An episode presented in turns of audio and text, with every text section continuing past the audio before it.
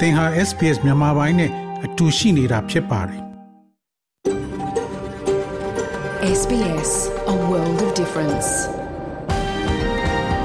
You're with SBS Burmese on mobile, online and on radio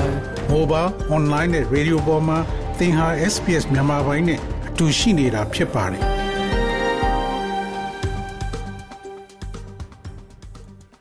တော်ရရှိမြကျက်သိမင်္ဂလာဖျားဖျားနဲ့ ပြည့်စုံတော်မူကြပါစားခင်ဗျာ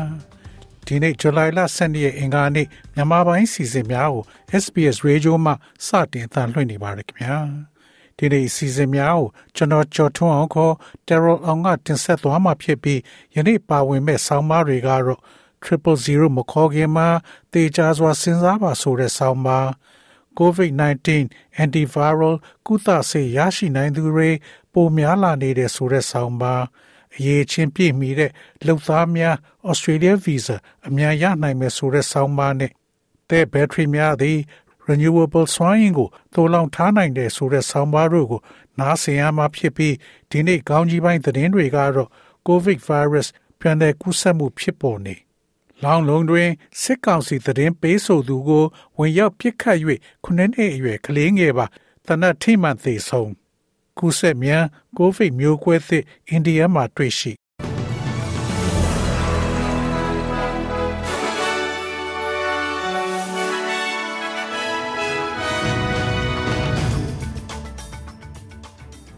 ယခုချိန်ကစပြီးသတင်းများကိုကျွန်တော်ကြော်ထုတ်အောင်ကစတင်ဖတ်ကြားပါတော့မယ်။ COVID virus ပြန်လည်ကူးစက်မှုတွေ့ရှိ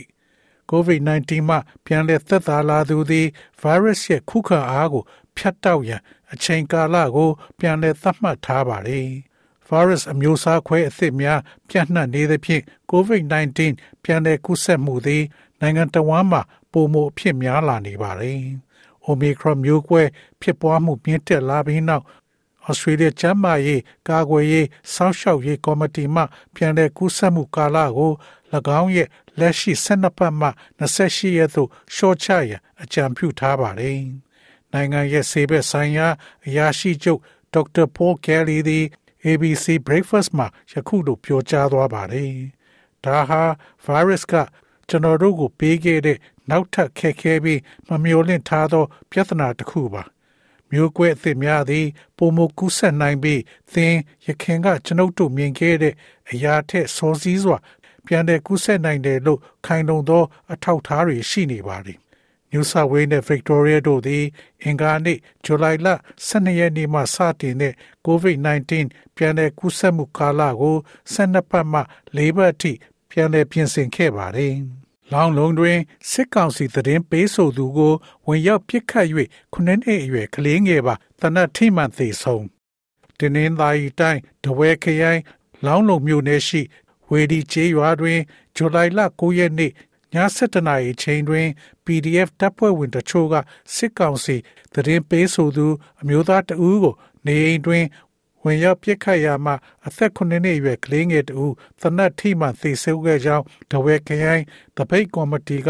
ထုတ်ပြန်ထားပါတယ်။အဆိုပါပြစ်ခတ်မှုသည်ပြည်သူ့ကာကွယ်ရေးတပ်ဖွဲ့ဝင်များကပြစ်ခတ်ခဲ့ခြင်းဖြစ်ကြောင်းဒဝဲခရိုင်တပိတ်ကော်မတီက ထုတ်ပြန်ထားပြီးအခင်းဖြစ်ပွားချိန်တွင် ဝေဒီချေးရွာနေစစ်ကောင်စီသတင်းပေးဒလန်ဟုဆွဆွဲခံရသူဦးကျော်ဟိန်အားနေအတွင်းဝင်ရောက်ပစ်ခတ်စဉ်နေအတွင်းရှိဇနီးဖြစ်သူအသက်40ခန့်ရှိဒေါ်ဖြူသားနှင့်သူမဖြစ်သူအသက်9နှစ်အရွယ်မနုဝါနိုးတို့ကြီးစံထိမှန်ပြီးအသက်သေဆုံးသွားခဲ့တယ်လို့ဖခင်ဖြစ်သူကပြောဆိုပါတယ်။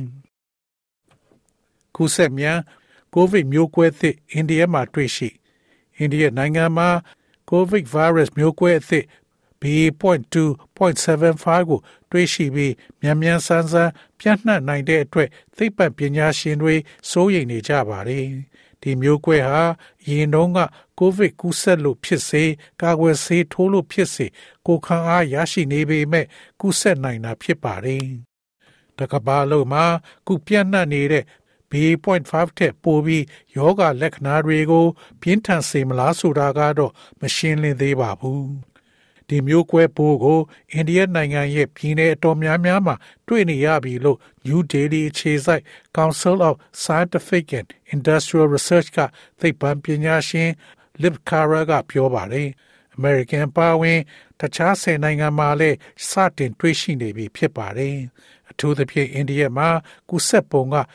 exponential growth လို့ပြောတဲ့ထပ်ကိန်းပုံတွေနီးနဲ့ကူးစက်ပုံမျိုးဖြစ်တယ်လို့ American နိုင်ငံ Minnesota ပြည်နယ် Mayo Clinic က virus ဗေဒပညာရှင် Matthew Binnicker ကပြောဆိုပါတယ်။ပညာရှင်တွေစိုးရိမ်နေကြတဲ့နောက်အကြောင်းတစ်ခုကတော့ဒီ virus မျိုးကွဲဟာပတိစီဝဆေးရိမတိုးမှာကို ဖြစ်ပါတယ်။ New South Wales ရေဘေးအကူအညီ မကြသေးမီက New South Wales ရေကြီးမှုအကျက်တဲကြောင့်ထိခိုက်ခံစားသူများအား Federal အစိုးရရဲ့တဘာဝဘေးအန္တရာယ်ပေးချေမှုအားကောင်စီနယ်မြေရှိခုသို့တိုးမြင့်ခဲ့ပြီးစုစုပေါင်း39ကောင်စီအထိတိုးလာခဲ့ပါတယ်။ဒေသန္တရအစိုးရသစ် area များမှာ Cumberland, Mid Coast, Muswell Brook, Nambucca, Newcastle, Port Stephens, Randwick နဲ့ Warren တို့ဖြစ်ပါတယ်။ လူကြီးတဦးလင်ဒေါ်လာ1000နဲ့ကလေးတဦးနဲ့ဒေါ်လာ400ပေးချေမှုသည်သီးသီးသားသားပျက်စီးသွားသောနေအိမ်များတွင် နေထိုင်သူများအသုံးပြုနိုင်မှာဖြစ်ပါတယ်။ဝန်ကြီးချုပ်အန်သိုနီအယ်ဘနီစီနဲ့ပူးတွဲသတင်းစာရှင်းလင်းပွဲတွင်ဝန်ကြီးချုပ်ဒေါမနစ်ပရတီကရေလွှမ်းမှုဘေးရန်သင့်ငွေပေးချေမှုများကို အလွန်လိုအပ်နေတဲ့အကူအညီများကိုအဟံတားမဖြစ်စေရန်အတွက်နောက်ကျောင်းပြန် ပြန်စစ်သွားမှာဖြစ်ကြောင်းလည်းပြောကြားပါတယ်။ဒါကကိုဗစ်ငွေပေးချေမှုသို့မဟုတ်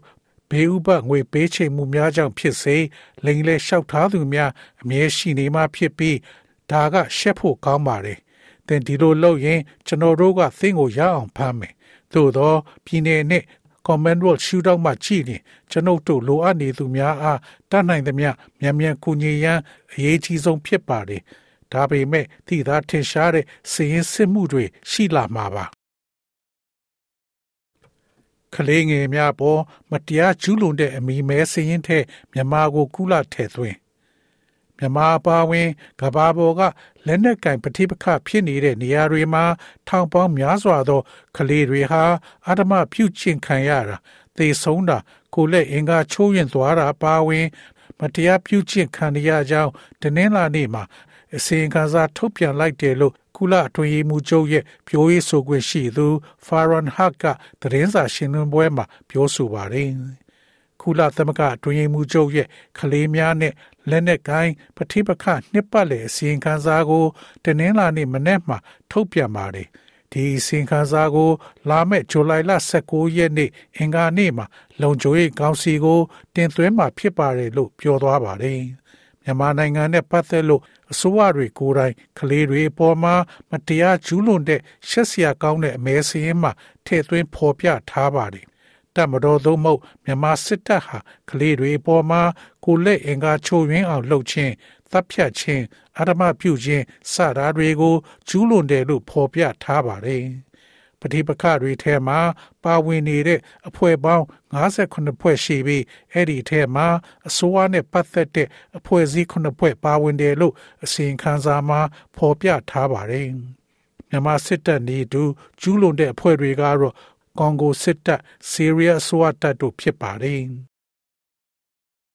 မြန်မာနိုင်ငံဒီမိုကရေစီပြန်လည်ဖော်ဆောင်ရေးတရုတ်နဲ့အာဆီယံဖိအားပေးဖို့အမေရိကန်တိုက်တွန်း မြန်မာစစ်ကောင်စီရဲ့ပြည်သူတွေပေါ်ဖိနှိပ်မှုကို American နိုင်ငံသားရေးဝန်ကြီး Anthony Blinken ကပြစ်တင်ရှုံချခဲ့သလိုမြန်မာနိုင်ငံဒီမိုကရေစီလမ်းကြောင်းပေါ်ပြန်ရောက်ဖို့တရုတ်အရှေ့တောင်အာရှနိုင်ငံတွေကဝိုင်းဝန်းဖိအားပေးဖို့နဲ့မနှစ်ကရထားတဲ့အာဆီယံဘုံသဘောတူညီမှုအတိုင်းလှုံ့ဆော်မှုတနင်္ဂနွေနေ့မှာတိုက်တွန်းပြောဆိုလိုက်ပါတယ်။ အရှိတောင်အာရှအသင်းအာဆီယံကမြန်မာအရေးဝိုင်းဝန်းအပြေရှားနိုင်ဖို့မနှစ်ကပဲဘုံသဘောတူညီမှု9ရက်ချမှတ်နိုင်ခဲ့ပေမဲ့အပေါင်းလက္ခဏာဆောင်တဲ့တိုးတက်မှုတွေမတွေ့ရဘူးလို့လည်းထောက်ပြသွားပါတယ်။စစ်ကောင်စီခေါင်းဆောင်ဗိုလ်ချုပ်မူကြီးမင်းအောင်လှိုင်ကိုယ်တိုင်ပါဝင်သဘောတူလက်မှတ်ရေးထိုးခဲ့တဲ့အာဆီယံဘုံသဘောတူညီမှု 9ရက်မှာအချမ်းဖက်မှုတွေချက်ချင်းရပ်ဖို့နဲ့သက်ဆိုင်သူတွေအားလုံးပါဝင်တဲ့ဆွေးနွေးပွဲစတင်ဖို့ဆိုတဲ့အချက်တွေပါဝင်ပါတယ်။မမြန်မာစစ်ကောင်စီကသူ့လုံရက်တွေအတွက်တာဝန်ခံမှုရှိအောင်အကြမ်းဖက်မှုရောချပြီးအချင်းသားတွေလွတ်ပေးအောင်အာဆီယံအသင်းကြီးကဆက်လက်ဖိအားပေးဖို့လဲဝန်ကြီးဘလင်ကန်ကသတင်းစာရှင်းလင်းပွဲမှာတိုက်တွန်းသွားပါတယ်။ SMF scan နဲ့ပတ်သက်လို့ အရေးယူပြုလို့ Australian Communication and Media Authority မှမှတ်ပုံတင်ထားသောကုတ်အသစ်သည်သုံးဆွဲသူများကိုကာကွယ်ရန် ရေးဆွဲထားသောစီမင်းအသစ်များရဲ့တစိမ့်တစ်ပိုင်းနေဖြင့် SMS လိမ်လည်မှုများကိုဖော်ထုတ်ရန်ခြေရာခံရန်နှင့်ပိတ်ဆို့ရန်ဆက်သွယ်ရေးကုမ္ပဏီများကိုတွန်းအားပေးမှာဖြစ်ပါတယ်။ SMS text လိမ်လည်လှည့်စားမှုများ တိုးပွားလာမှုကို တုံ့ပြန်သည့်အနေဖြင့်စီမင်းအသစ်များကို ပြင်ဆင်ထားတာဖြစ်ပါတယ်။ဆက်သွယ်ရေးကုမ္ပဏီများသည်၎င်းတို့ရဲ့ဖောက်သည်များအားလိမ်လည်လှည့်စားမှုများကိုစီမံခန့်ခွဲရနှင့်သတင်းပို့ရန်ကူညီရန်အတွက်လည်းအချက်လက်များကို ထုတ်ဝေရမှာဖြစ်ပါတယ်။လိမ်လည်မှုများအကြောင်းအချက်လက်များကို၎င်းတို့ရဲ့ပြိုင်ဘက်များနဲ့မျှဝေပါလိမ်လည်မှုများအားအာဏာပိုင်များထံတိုင်ကြားပါဟုလည်းပါဝင်ပါတယ်။ Pacific Island Forum မှ Kiribati နှုတ်ထွက် Pacific Island Fiji အစည်းအဝေးမှ Kiribati ရုတ်တရက်နှုတ်ထွက်ခြင်းကြောင့် Pacific ကျွန်းများ Forum သည်တုန်လှုပ်သွားခဲ့ပါသည်။ယခုလိုထွက်ခွာသွားခြင်းသည် Micronesia ပြည်နယ်ရဲ့မချေနှက်ချက်များနှင့်ဆက်ဆက်နေတယ်လို့ယူဆပြီးဒေသတွင်းရှိတခြားနိုင်ငံများကိုလည်းဘေးပယ်ထားခဲ့ပါသည်။ လွန်ခဲ့တဲ့နှစ်တွင်မိုက်ခရိုနီးရှားအဖွဲ့ဝင်များသည်အထွေထွေအတွင်းယူမှုအတွက်အဆိုပြုထားသော ကိုယ်စားလှယ်လောင်းကုတ်အိုင်လန်ဝန်ကြီးချုပ်ဟန်ရီပူနာအားခက်ခက်ခဲခဲမဲဖြင့်ရှုံနှိမ်သွားတဲ့အခါဖိုရမထွက်ခွာမယ်လို့ချိန်ချောက်ခဲ့ပါတယ် ဝန်ကြီးချုပ်အန်သိုနီအယ်ဘနီစီကယခုသတင်းပတ်တွင် foreign သို့သွားရောက်မှဖြစ်ပြီးဆုံးဖြတ်ချက်ကိုသဘောမတူညီတော့လဲဩစတြေးလျသည် ရှေ့သို့ဆက်သွားရန်ဆုံးဖြတ်ထားကြောင်းပြောကြားသွားပါတယ် SBS SBS SBS SBS SBS This is SBS Radio. ငွေလဲနှုန်းမှာတော့ Australian dollar ကိုမြန်မာကျပ်ငွေ1250ကျပ်ရရှိပါတယ်။ American dollar ကိုမြန်မာကျပ်ငွေ1860ကျပ်ရရှိပြီး Australian dollar ဟာ American 68စက်နဲ့ညီမျှပါတယ်။မနေ့ဖြန် Australia တိုက်မှာရှိတဲ့မြို့ကြီးများရဲ့မိုးလေဝသခန့်မှန်းချက်ကတော့ဆင်နီမြို့မှာအပူချိန်16 degree centigrade ရှိမှဖြစ်ပြီးမိုးတစ်ဖြောက်နှစ်ဖြောက်ရွာသွန်းမှာဖြစ်ပါတယ်။ Melbourne မြို့မှာအပူချိန်12 degree centigrade ရှိမှဖြစ်ပြီးမိုးအနည်းငယ်ရွာသွန်းမှာဖြစ်ပါတယ်။ Brisbane မြို့မှာအပူချိန်16 degree centigrade ရှိမှဖြစ်ပြီးများသောအားဖြင့်နေသားမှာဖြစ်ပါတယ်။ Perth မြို့မှာအပူချိန်21 degree centigrade ရှိမှဖြစ်ပြီးများသောအားဖြင့်မိုးတိမ်သားများရှိမှဖြစ်ပါတယ်။ Adelaide မြို့မှာအပူချိန်15 degree centigrade ရှိမှဖြစ်ပြီးများသောအားဖြင့်မိုးတိမ်သားများရှိမှဖြစ်ပါတယ်။ Hobart မြို့မှာအပူချိန်17 degree centigrade ရှိမှဖြစ်ပြီးမိုးတစ်ဖြောက်နှစ်ဖြောက်ရွာသွန်းမှဖြစ်ပါတယ်။ Canberra မြို့မှာအပူချိန်12 degree centigrade ရှိမှဖြစ်ပြီးမိုးတိမ်သားများအနည်းငယ်ရှိမှဖြစ်ပါတယ်။ဒါဝင်မြို့မှာအပူချိန်29 degree centigrade ရှိမှဖြစ်ပြီးနေသားမှာဖြစ်ပါတယ်။ဤတွင်သတင်းများကိုကြီးညာလို့ပြီးပါပြီခင်ဗျာ။။